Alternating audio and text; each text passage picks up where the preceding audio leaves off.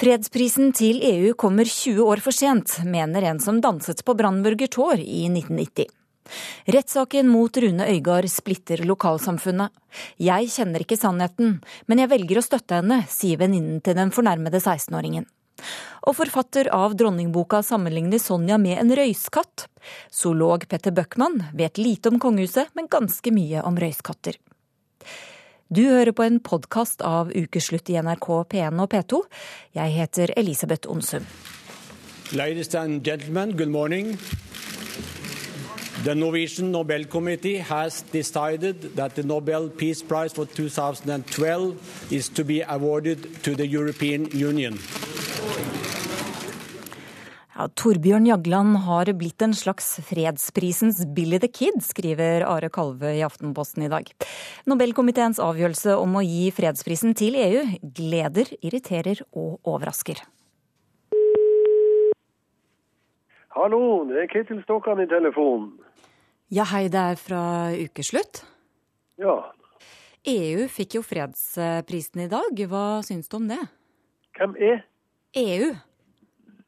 EU fikk fredsprisen? Er ikke det 20 år for seint?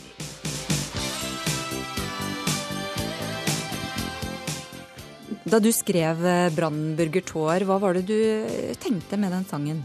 Ja, men det var jo en gledessang. Det var en sang i, i, i, i samstemt glede med et Europa som, eh, der, eh, der murer falt og gjerder ble revet ned.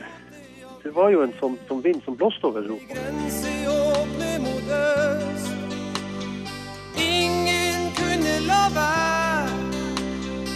Alle sammen var der og fikk se. Fikk se Brandenburger. The Union and its forerunners have over six decades contributed to the advancement of peace and reconciliation, democracy and human rights in Europe. Det er jo bare å gratulere EU med prisen og tysk-fransk samarbeid. Det er vi alle for, men jeg syns dette er feil pris til feil eh, tid. Hver eneste utvidelse av EU har vært en forsterkning av demokrati og eh, menneskerettigheter i de områdene. Jeg syns det er absurd. Dette er jo Torbjørn Jaglands eh, mangeårige drøm. Og jeg vil tro at pga. noen vararepresentanter og forskjellige i komiteen, så har man nå sett sitt snitt til å få dette igjennom. Så sannheta åpen på TV fra en bydel hjem bak en mur. Men du så egentlig fredsprisen komme for eh, 20 år siden, du da? Ja, den så jeg. Den så jeg. Den kunne vært for 20 år siden. Kunne den ha vært med og, og gleda folk og kanskje gjort noe i det øyeblikket. Nå så, så, så lurer jeg på hva fredsprisen er. det. Skal vi sprøyte inn penger i, i, i land som har det vanskelig? Er det en slags plaster på såret fordi at man opplever en sånn forferdelig finanskrise og er oppe i 20% arbeidsledighet? Today, war between Germany and France had, um, is unthinkable. This shows how, through well aimed efforts and by building up mutual confidence, historic enemies can become close partners. Brandenburger Brandenburger Tår og Kjetil Stokkan, som altså var Norges bidrag i den internasjonale Melodi Grand Prix-finalen i 1990. Vågå Arbeiderparti har innkalt til hastemøte om fremtiden til overgrepstiltalte Rune Øygard. Og partisekretær i Arbeiderpartiet, Raimond Johansen, du har sagt til Vågå Arbeiderparti at Rune Øygard ikke bør fortsette som eh, ordfører. Hvorfor det? Veldig viktig å understreke at uh, vi tar ikke stilling til uh, det han er uh, tiltalt for. Men mener jo helt tydelig at det som kom fram under gårsdagens rettsforhandlinger, er helt uakseptabelt, og vitner i tillegg om dårlig dømmekraft. Ja, hva er det du spesielt reagerer på da? det som kom fram under gårsdagens rettsforhandlinger om den kontakten han har hatt da med, med jenta, eh, ikke minst i forhold til disse eh, Skype-samtalene, vitner om eh, dårlig dømmekraft, er helt uakseptabelt. Og du er helt avhengig av som politiker å ha tillit. Og det er vanskelig å se hvordan man kan ha tillit etter dette. Derfor har jeg vært tydelig at jeg anbefaler Vågå Arbeiderpartiet og innstille på at man da uh, velger en annen ordfører. Og uh, Så er det opp til Vågå Arbeiderparti å fremme eventuelt en slik sak for Vågå kommunestyre. Mm. Øygard sier at han lot seg rive med av jenta. Hva tenker du om det? Som jeg har sagt, så er dette helt uakseptabelt. Og uh, er svært dårlig dømmekraft. Og jeg har sympati for jenta, hva hun her er utsatt for og eh, tar ikke stilling til selve skyldspørsmålet og det han er tiltalt for, men mener allikevel at dette som her har eh, kommet fram, eh, er vanskelig å tenke at man kan fortsette å være en tillitsperson i lokalsamfunnet, som jo man må være når man er ordfører. Hva tenker du om at du må be Vågå Arbeiderparti om å fjerne Øygard? Burde de ikke ha kommet fram til konklusjonen selv? Eh, nå skulle de ha møte uansett på, på mandagen, og jeg syns det var riktig av meg å komme med en anbefaling i forhold til det. Og jeg er helt sikker på at Vågå Arbeiderparti kommer til å eh, komme med kloke beslutninger. De vet bedre enn noen eh, de utfordringene som er i lokalsamfunnet. Dersom retten frikjenner Øygard, kommer du til å stå fast på den beslutningen likevel? Dette har ingenting med skyldspørsmålet og det han er tiltalt for. Eh, det vi nå tar stilling til, er det som allerede har kommet fram, som, er, eh, som man har vedkjent seg. Jeg mener at det svekker den tilliten så mye som man må ha til eh, ordførere, til tillitsvalgte, at anbefalingen vår er helt klar. Takk skal du ha, Raimond Johansen. I over et år har folk i lokalsamfunnet Vågå lurt på hvem de skal tro på. Denne uka startet altså rettssaken, eh, og det har sin pris å være venn i en slik situasjon, sier en venninne av den fornærmede 16-åringen. Men i år så brøt det egentlig i hop, så ble det for mye igjen. Så jeg, jeg brøt i hop når jeg så på nyhetene. Det er litt vanskelig. Etter å ha fulgt med på rettssaken som dominerer media denne veka, fikk tenåringsjenta vi prata med, seg en knekk. Hun orka ikke å gå på skolen i går, for der er det lite støtte å hente. Jeg sitter enslig. Føler at jeg kanskje tar kontakt med de andre. Fordi at uh, de ikke vil at jeg skal være der på en måte. Føler meg ikke velkommen der. Grunnen til at hun blir utstøtt, er at hun er venninna til 16-åringen som anklager ordfører Rune Øygard for overgrep. For hun har valgt å ta side, og det har kosta. Det virker nesten som at folk er redde. Ser rart på oss og vil ikke ha kontakt med oss. 16-åringen i gang med si forklaring. Rune Øygard nekter straffskyld. Tirsdag starta rettssaka. Over fire dager har de to hovedpersonene forklart seg. Jenta fortalte om seksuelle overgrep og et kjæresteforhold til Øygard. Mannen som har vært ordfører i Vågå kommune siden det året hun ble født. Han sier at hun lyver, og at han har vært som en far for henne. Da er vi klare til å fortsette rettsmøtet. Pressebenkene er stappfulle, og hele landet synser om hva som har skjedd.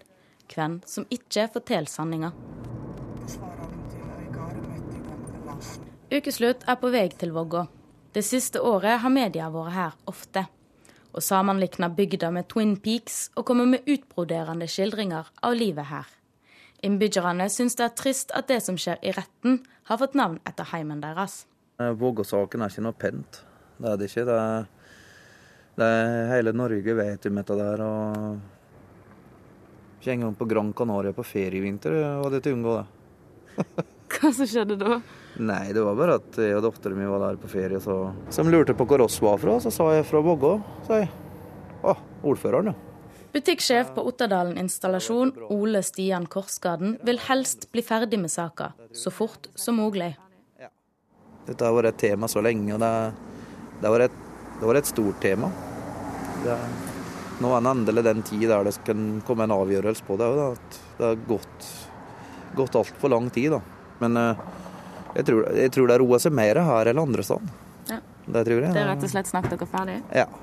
Men sjøl som ferdigsnakka får saka helt egne konsekvenser, siden det har hendt på en liten stad.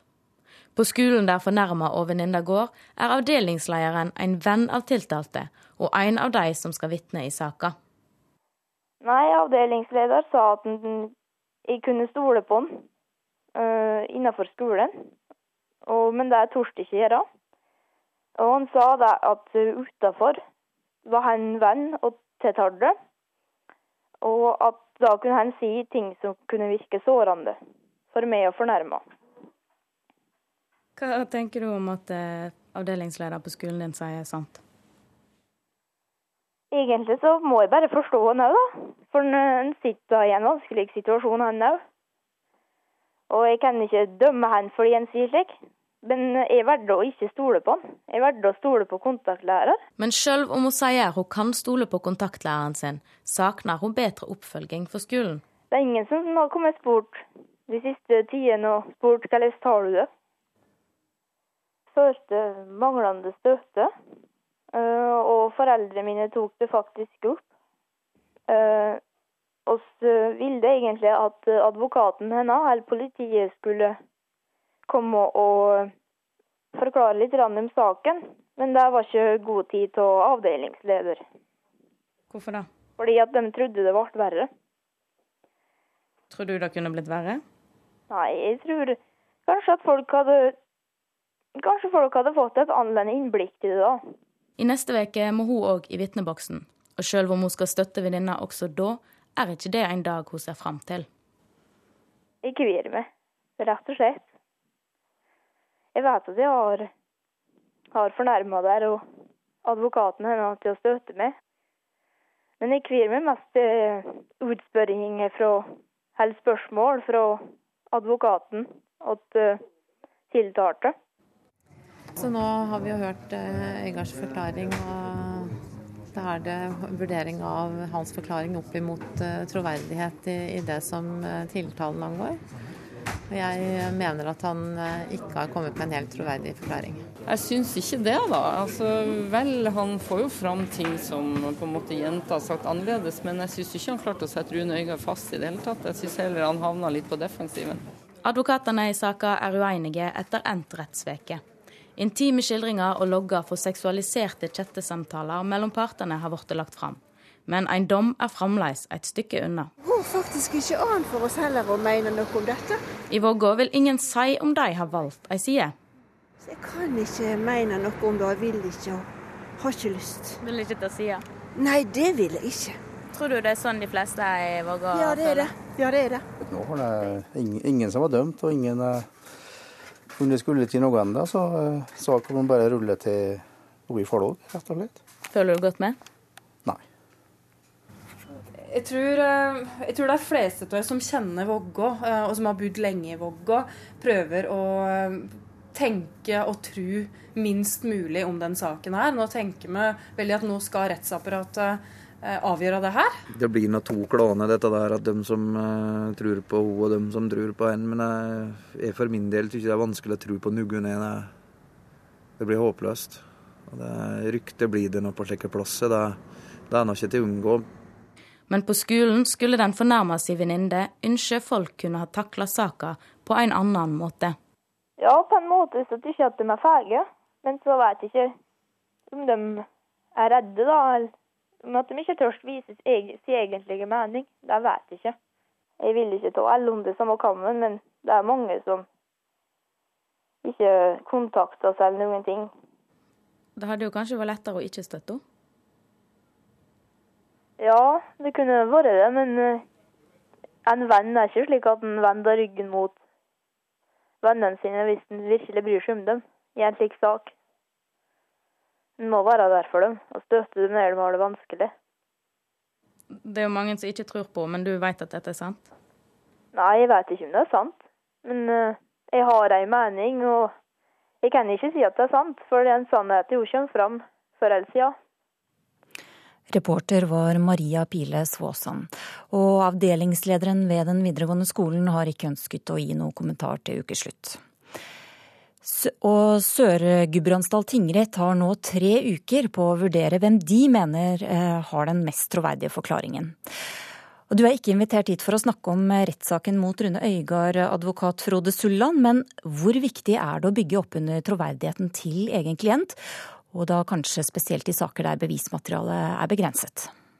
Det er selvfølgelig viktig, kanskje først og fremst fordi eh, de som eh, sitter og vurderer som dommere, enten det er fagdommere eller legfolk, ofte har en overdreven tro på sin egen evne til å vurdere troverdighet. Forskningen viser jo at det er ingen av oss som eh, kan i noe særlig grad. Men jeg må jo ta hensyn til at eh, mange tror de kan dette, og da må jeg bygge opp eh, troverdighet til egen klient på mange ulike vis, og samtidig forsøke å svekke troverdigheten til de som sier noe som går ham imot. Har du eksempler på hvordan det foregår? Ja, det, det, viktigste her er jo hva som kan bekreftes eller avkreftes av det de ulike forklaringene inneholder av påstander om faktiske forhold.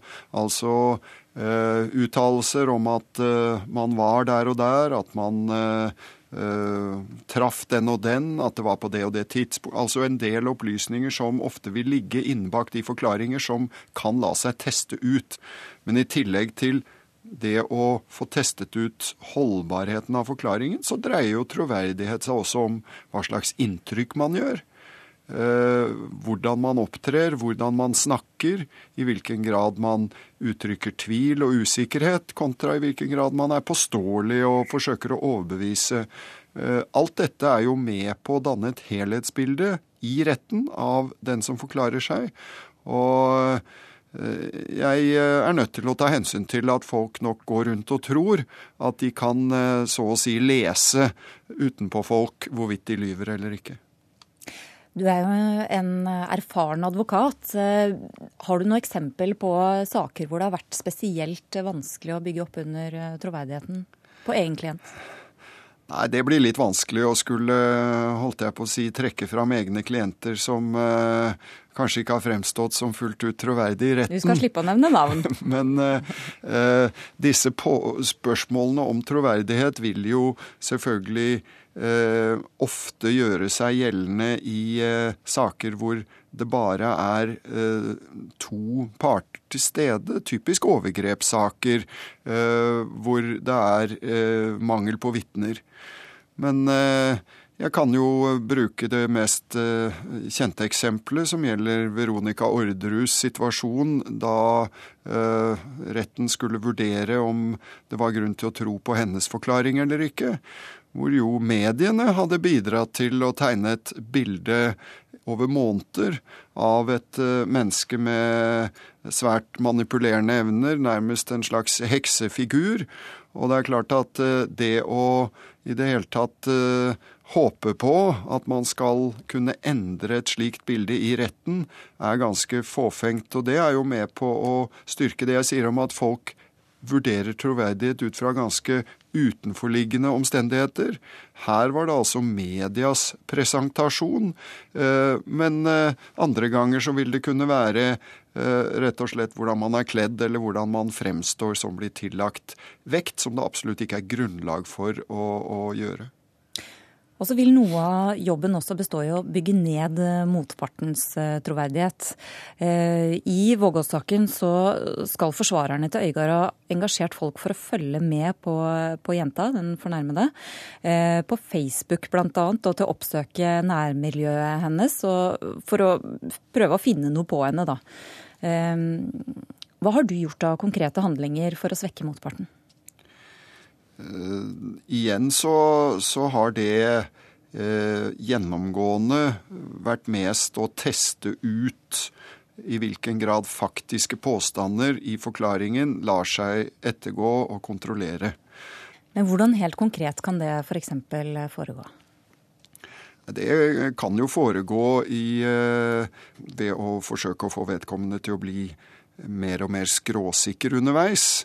Altså Eh, en, en, eh, advokat vil jo av og til dumme seg ut ved å uh, forsøke å spørre folk om de er sikre, for i håp om at folk skal markere en usikkerhet. Det er jo tvilen som skal være avgjørende i en straffesak.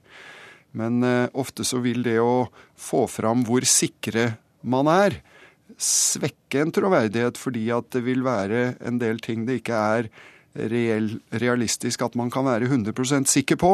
Og hvis man da får en, eh, et vitne eller en fornærmet til å fremstå som overdreven sikker, så kan det også være med på å svekke troverdighet. Så her er det mange grep, helt avhengig av hvordan det virker i den enkelte sak. Og selvfølgelig eh, gjelder det også de fornærmede eller vitner at deres fremtoning som eh, sympatisk, som veloverveid, som tilstrekkelig og passende usikker og kanskje eh, nyansert i sine vurderinger, kan være med på å, å, skape troverdighet til deres forklaring. Og da vil det være eh, gode grunner for meg til å forsøke å vri dette andre veier, slik at de fremstår som eh, lite sympatiske, som eh, lite nyanserte, som eh, ganske skråsikre og dermed mindre troverdige. Ivar Fasing, du er eh, avhørsekspert og lektor ved Politihøgskolen i Oslo, og du er med oss eh, på telefon fra London. Eh, du har bl.a. vært med på å utvikle avhørsteknikker. Hvordan bedømmer du om en person er troverdig? Altså, Vi forsøker jo å utdanne våre folk til å forstå at de slett ikke er spesielt i god stand til å vurdere troverdighet. Og at det er kanskje en av de viktigste tingene å lære en etterforsker. Mm. Men hvis du har eh, noen eh, som du skal avhøre foran deg, kan du se på vedkommende om eh, de snakker sant eller usant? Er det noen tegn dere ser etter? Nei, nettopp dette er en av de tingene som vi i norsk politi har jobbet med ganske intenst de siste 10-15 årene. Å rydde den slags myter av veien. Altså Ingen forskning som tyder på at dette er mulig, verken for mennesker eller maskiner, å gjøre dette med, med høy nok presisjon. I rettssaken mot eh, Rune Øygard så har jenta gitt eh, detaljerte beskrivelser av hva som har skjedd. Hvorvidt er detaljer en eh, indikasjon på sannhet, Fasing?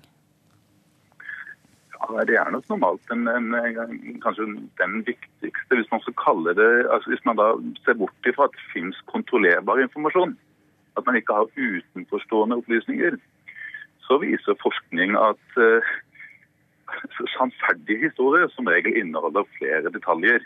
Eh, og anekdoter eh, og, og utenforliggende ting som Sulland var inne på innledningsvis, som på en måte normalt henger seg på et hendelsesforløp, og som er der i sanne historier fordi at de faktisk har opplevd det, og fordi at man bruker minnefunksjonen sin til å hente dem frem.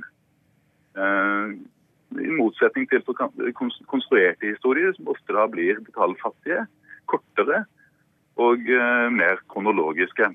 Men er det alltid sånn at et høyt detaljnivå eh, vil være ensbetydende med sannhet? Nei, det er jo ikke det. For det, det kan jo selvfølgelig være tilfeller hvor det er helt, helt, forklarlig at man ikke har detaljer. Man, man, man har eh, f.eks. I, i, i traumatiske hendelser, overgrepssaker og slike ting kanskje et naturlig behov for å undertrykke det man har blitt utsatt for. Rett og slett for å beskytte seg, seg selv og sin egen helse. Eh, og at det derfor kan være for, forståelig at man, at man, ikke klarer å produsere ganske mange detaljer for det. For det er andre mekanismer i kroppen som rett og slett forsøker å undertrykke dem. Det er jo kanskje også en av hovedårsakene til at det ofte er vanskelig å, å, å, å avgjøre troverdighet, i, spesielt i disse sedelighetssakene. Sulland.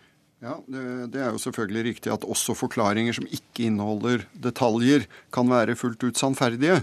Men eh, det er vel også slik at eh, forklaringer som inneholder detaljer, kan være usanne. På den måten at eh, man lesser på en del detaljer nettopp fordi man og da er det vel de mer utspekulerte som gjør det, men fordi man vet at det er noe som vil kunne styrke troverdigheten av en forklaring.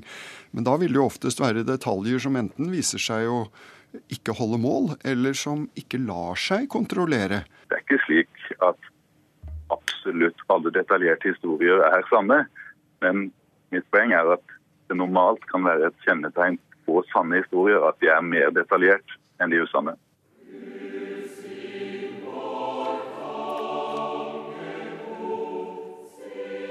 Jeg har prøvd å sammenligne kongen og dronningen. Jeg har jo hatt eh, mulighet til å studere dem to sammen. Og da slår det meg eh, hvordan kong Harald han er rolig, Eh, tålmodig, stor, ettertenksom og litt tilbakelent. Mens eh, dronning Sonja er utrolig energisk, framoverbøyd, på alerten hele tida. Liten. Og da fant de de to bildene, røyskatt og bjørn. Og da eh, kongeparet fikk seg forelagt de to beskrivelsene av meg, så lo de veldig godt. Ja, Denne uka kom altså boka om dronning Sonja, ført i pennen av Ingar Sletten Kollund, som vi nettopp hørte her. Petter Bøckmann, du er zoolog ved Universitetet i Oslo. Du har ikke så god greie på kongefamilien ifølge deg selv, men du er ekspert på dyr? Jeg kan i hvert fall litt om dyr. Hva kjennetegner røyskatten? Ja, nei, jeg, jeg, hører jo hva mannen sier. Det får stå for hans regning. Røyskatten er et lite, ilt bittert dyr som stinker noe helt voldsomt og lever av å ete mus rå. Jeg håper jo da for eh, Hans Majestets skyld at dronningen ikke er sånn. Ja. Hva, hvilke andre kjennetegn har røyskatten? han skifter farge eh, etter omgivelsene. Um, og så er han veldig lang og tynn, og det er fordi han skal løpe ned i museganger og ta musene der de er. Det å være mus når røyskatten kommer, det er, en, det er en ubehagelig opplevelse. Det er litt sånn, Har du sett filmen Aliens? Nei. Eh, der hvor det løp, masse sånn løper rundt i mørket, og så kommer sånne svære monstre og spiser dem. Der har du musas opplevelse av verden når røyskatten kommer. Hvordan, hvordan forholder røyskatten seg til f.eks. nye omgivelser eller eh, andre dyr? Den er altså si, Røyskatten er jo et lite rovdyr, og rovdyr er sånn at de når de møter noe som utfordrer dem, så er det den som har de lengste hjørnetenna som vinner. Men det er klart, røyskatten er ikke så innmari svær, så den, han, er, han, er, nødt til å gi seg når han møter noe som er ja, nevnverdig mye større enn seg selv. Vil du si at det er en dronning verdig å bli eh, karakterisert som en røyskatt? Hadde jeg vært dronninga, så hadde jeg kanskje blitt litt sånn småilter som røyskatten. Nei, um, Røyskatten har vært forbundet med kongelighet veldig lenge, for i gamle dager så brukte kongelige ofte sånne røyskatter kappskinnkapper. Altså Sett de der hvite kantene på kongekapper. De er laget av vinterpelsen til rødskatt, og de små svarte flekkene det er haledusken til rødskatten, for den blir svart, forblir svart hele vinteren. Så, sånn sett så er det kanskje et sånt greit lite symbol, men eh, jeg ville ikke vært sånn direkte bært over å bli sammenlignet sånn direkte. Men det kan være hun har en i garderoben, med andre ord? Ja, iallfall så har de nok en eller annen på museet. Jeg tror kanskje ikke sånn jeg går rundt med så mye røyskatt på seg. Mm. Kollon sammenligner eh, Hans Majestet med en bjørn. Hva er det å si om bjørnen? Bjørnen er et eh, meget asosialt dyr.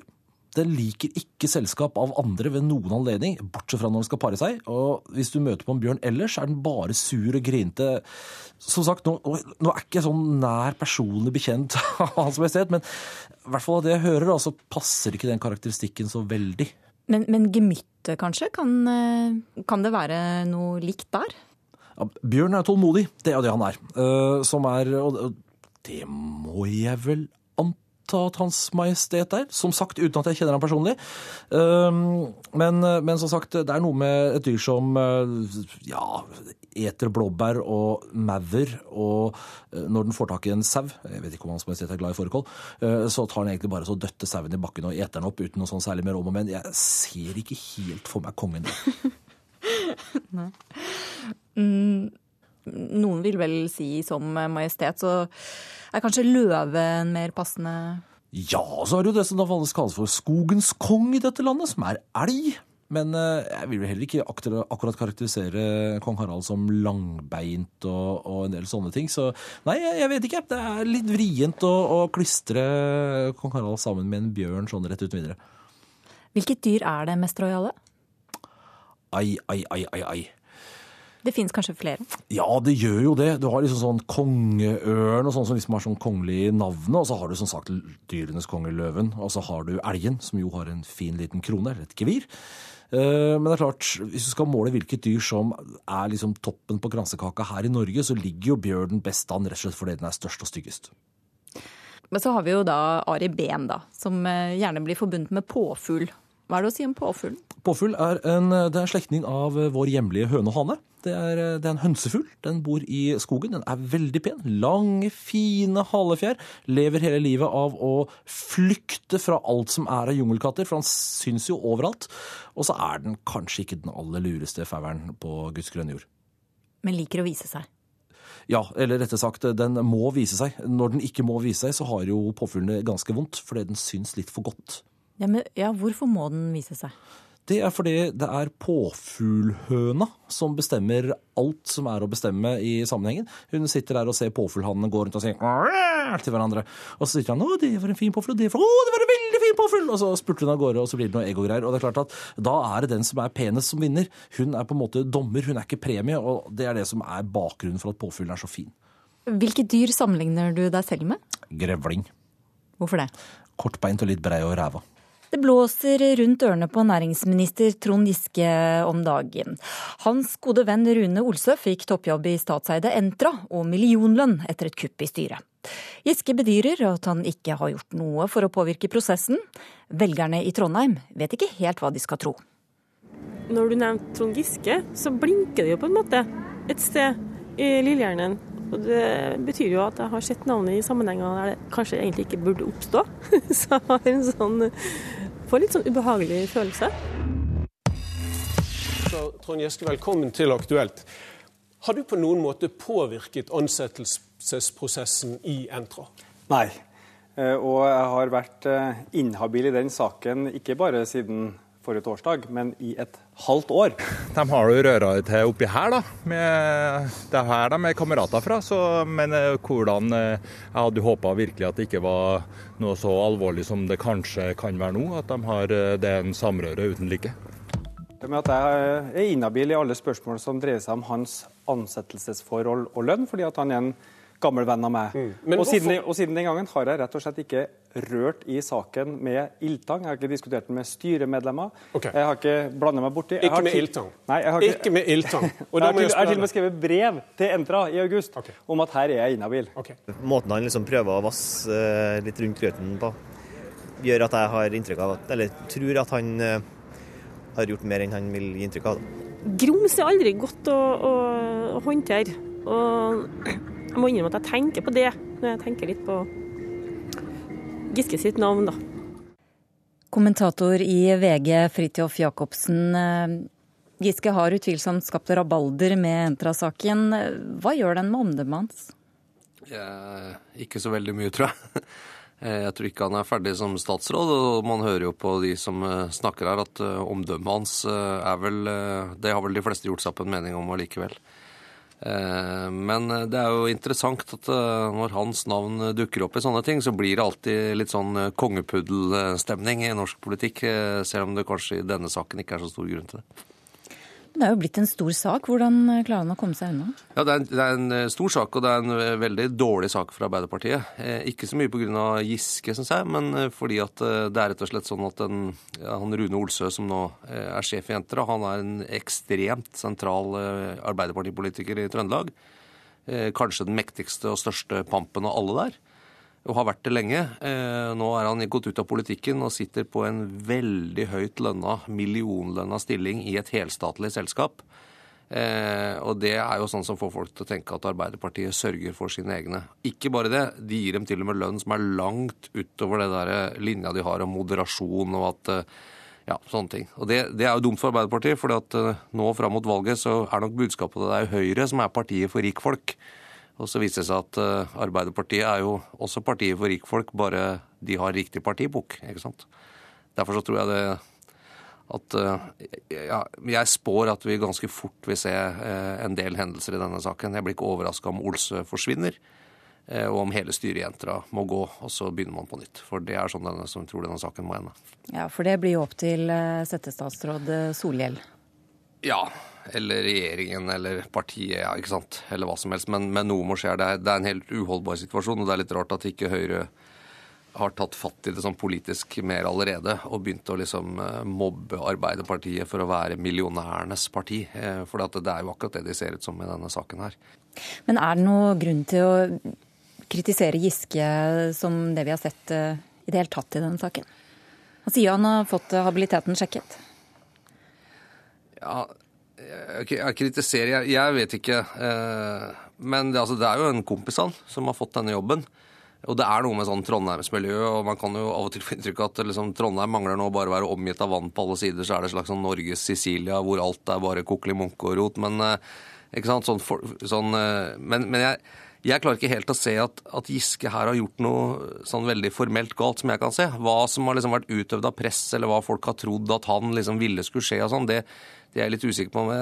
For meg så ser det litt mer ut som at et par smartinger oppe i, i Trøndelag har liksom ordna seg sammen, og tilfeldigvis har det en av dem sitter i en veldig godt betalt jobb, da. Det er litt sånn saken ser ut for meg. og det Husk at resultatet i denne saken, at en av Giskes bestevenner sitter med en altfor høy statlig lønn i et selskap og blir mistenkt for masse sånn kameraderi og sånn, det tjener jo ikke akkurat Giske. Nei. Generalsekretær i Transparency International, Guro Slettmark, hvordan vil du beskrive prosessen i Entra? Nei, eh, slik den er fremstilt i media, så ser jo dette mildt sagt lite tillitvekkende ut. Ehm, det er som, ehm, som ble sagt her, at ehm, eh, det kan se ut som om her er det snakk om en slags sånn venneansettelse. Og uansett hvordan disse formelle du kaller det egentlig nettverkskorrupsjon? Ja, det, altså, det, kan, det, det, minner om det. Vi, vi, vi, må skille litt her, fordi at um, begrepet korrupsjon er på en måte definert i straffeloven, og det er på en måte ikke innen det feltet vi snakker om nå. Det har ikke noe med direkte bestikkelser eller sånn å gjøre, men dette Ikke det vi vet, eller? Ikke, ikke det vi vet, men, men det har å gjøre med en veldig uryddig prosess. Ehm, hvor det eh, for de fleste som står utenfor og ser på dette her, ser ut som om det, det skjer en favorisering. Um, og at uh, dette styret nærmest er blitt um, uh, kuppet for å få én kandidat inn, på, inn som, som, direktør for Entra. Eh, og det er ikke så veldig tillitvekkende. Habilitetsspørsmål har jo også blitt eh, diskutert her. Eh, og her må man jo også se på habiliteten til disse styremedlemmene som faktisk har presset på for å få han inn. Og det er vel egentlig det saken veldig mye koker ned til, da. Er dette, er dette, egentlig en slags sånn eh, ansettelse venner, venner kjente, En vennetjeneste. Venner og kjente-ansettelse. Eh, som lett liksom kan eh, bidra til en slags sånn korrumperende prosess. Eh, vi hører veldig ofte at eh, eh, det er veldig vanskelig å unngå i Norge. nettopp ja, for fordi at vi er, er lite. Vi er, vi er, et lite land. Vi har en veldig tett sammenvevd befolkning. Eh, men da er nettopp poenget at eh, nettopp derfor så må vi eh, være ekstra påpasselige med dette med habilitet og, den type spørsmål, og de, de prosessene. Mm. Men hvor alvorlig vil du si at det er? Eh, kan ikke karakteriseres liksom mer som et sånn, nærmest som et hendelig uhell, sånn som man ser det utenfra. Altså, nå har vi hatt uh, Lysbakken-saken, vi har hatt uh, tildelingene fra, fra, til um, uh, Trudy fra Jonas Gahr Støre. Og det er en del sånne saker etter hvert som, som begynner å komme til overflaten, som, som, ikke tar seg bra ut, altså. Det er lett å liksom fortape seg i juss ikke sant? Habilitet er juss. Eh, regler for regnskap og eierstyring og sånn, det er ganske sånn klare regler. Eh, og ofte så blir det litt sånn at man går liksom rett inn er det ulovlig. Men, men det dette handler om journalistisk, da, eller i samfunnsdebatten, er jo å vise fram ting som kan se eh, litt merkelig ut. F.eks. dette er noe jenter av prøve å få en forklaring. altså Det er jo det journalister og sånn holder på med. Og så får velgerne da avgjøre om de syns dette ser tillitvekkende ut eller ikke.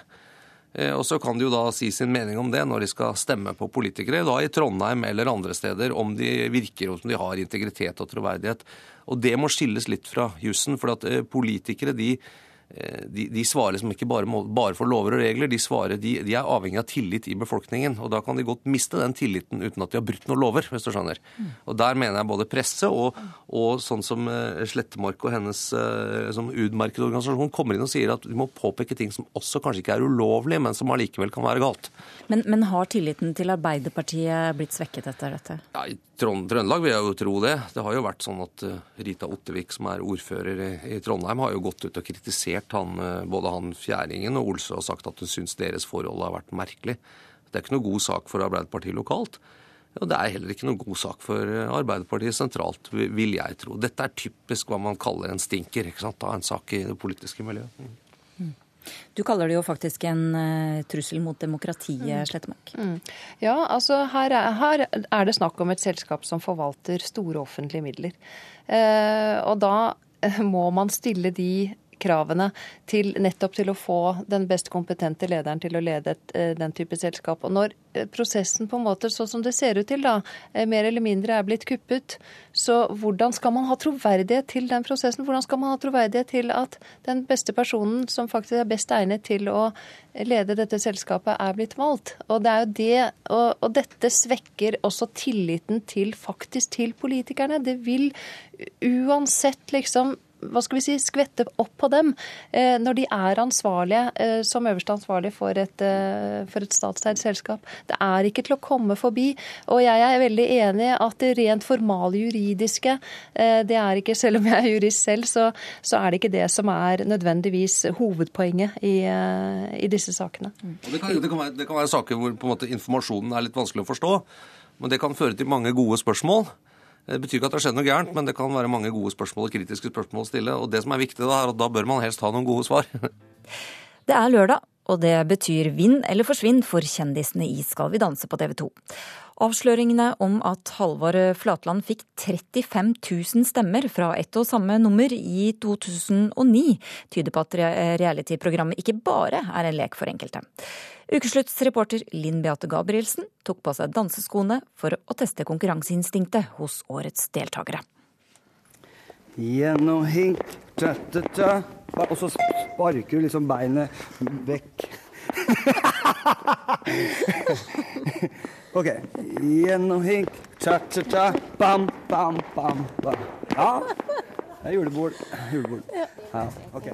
En, to. Jeg henger ikke like godt med i dansen som eh, Plumbo Lars-Erik gjør i høstens Skal vi danse. Han svinger seg i dansen i håp om et aldri så lite karriereløft. Da er dansegulvet klart for Lars Erik Blokhus og Maria Sandvik og deres cha-cha-cha. Selv om når jeg driver i underholdningsbransjen sjøl, så det genererer jo til eh, forhåpentligvis økt platesalg, økt konserter og ja. Og nå skal vi danse! Nå skal du danse! Ja, hvor er hatten min? Også for konkurrent, maleren Vebjørn Sand, griper danseprogrammet inn i karrieren. Eh, det har jo vært en fest for mitt eh, malerøye. Og, og ikke bare se på, men å ta på meg en uh, passadoble-drakt og være matador og, og, og, føle at jeg er inni et uh, maleri av Degas den ene dagen og Goya den andre. Uh, så, så, så, dette her er noe som, som inspirerer meg, og noe som også skal få en konsekvens rent malerisk. det er flere av disse dansene jeg nå har lyst til å, å male. Kan Halvard Flatland og Alexandra har kommet til dansegulvet for sin showdown? Tilbake i 2009. Halvard Flatland var blant kjendisene som ønsket seg en ny vår gjennom Skal vi danse. Han dansa så rysjende flagra rett inn i TV-seernes hjerter og mobilregninger. Så det er klart at jeg har jo prøvd å gjøre mitt ytterste for at vi skal nå så langt som mulig.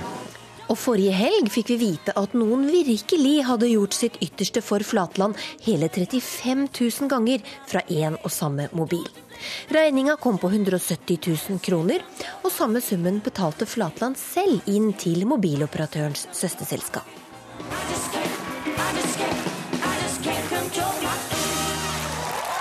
Selv om jeg optimistisk har kastet meg i armene til Lars-Erik, tror jeg han er glad for at det ikke er meg han må slite med på lørdag. Ok, En til. En, to, tre. Gjennom hink, hopp, sa-sa. Hvis du tar gjennom hink, hopp, sa-sa. Ok. En, to, tre. Nei, feil bein. Feil bein. Det. Har dere merka noe på mobilregninga, da? Eh, nå har jeg min eget abonnement, så jeg har ikke merka så mye. For jeg stemmer ikke så mye på meg sjøl. Men du gjør ikke det? Nei. ikke en eneste liten stemme? Ja, jeg har vel kanskje sendt én stemme, tror jeg. I første programmet. Ja. Du, da? Når jeg ikke skulle ryke ut engang. jeg har ikke gjort det. ja. Men dere har ikke instruert venner og bekjente til 'kom igjen, stem på meg'? Vi, bruker jo, vi bruker jo sosiale medier og kanaler til å til å, å huske å stemme i kveld, ikke sant?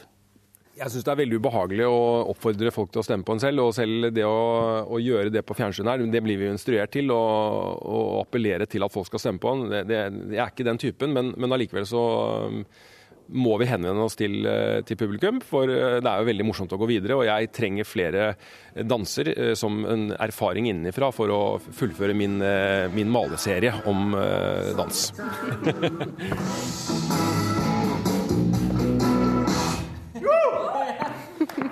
Hvordan er konkurranseinstinktet ditt, da? Nei, det er vel kanskje ikke så Jo, nå så begynner det å spisse seg litt til, for nå har jeg hengt med så å si halvveis. Så nå begynner jeg å merke at uh, nå skal jeg fader meg sette inn uh, høygiret. Og ca. ti sekunders klønete dans var alt jeg fikk til før danseskoene måtte ned i bagen igjen. Sånn. Gjennom hit, dødt. da. Var det den veien jeg skulle da? jeg var ganske håpløs. Nei da. Det var så langt vi kom, kanskje. Tusen takk. Du har hørt en podkast av Ukeslutt. Ansvarlig for sendingen Kari Li. Teknisk ansvarlig Erik Sandbråten. Jeg heter Elisabeth Onsum.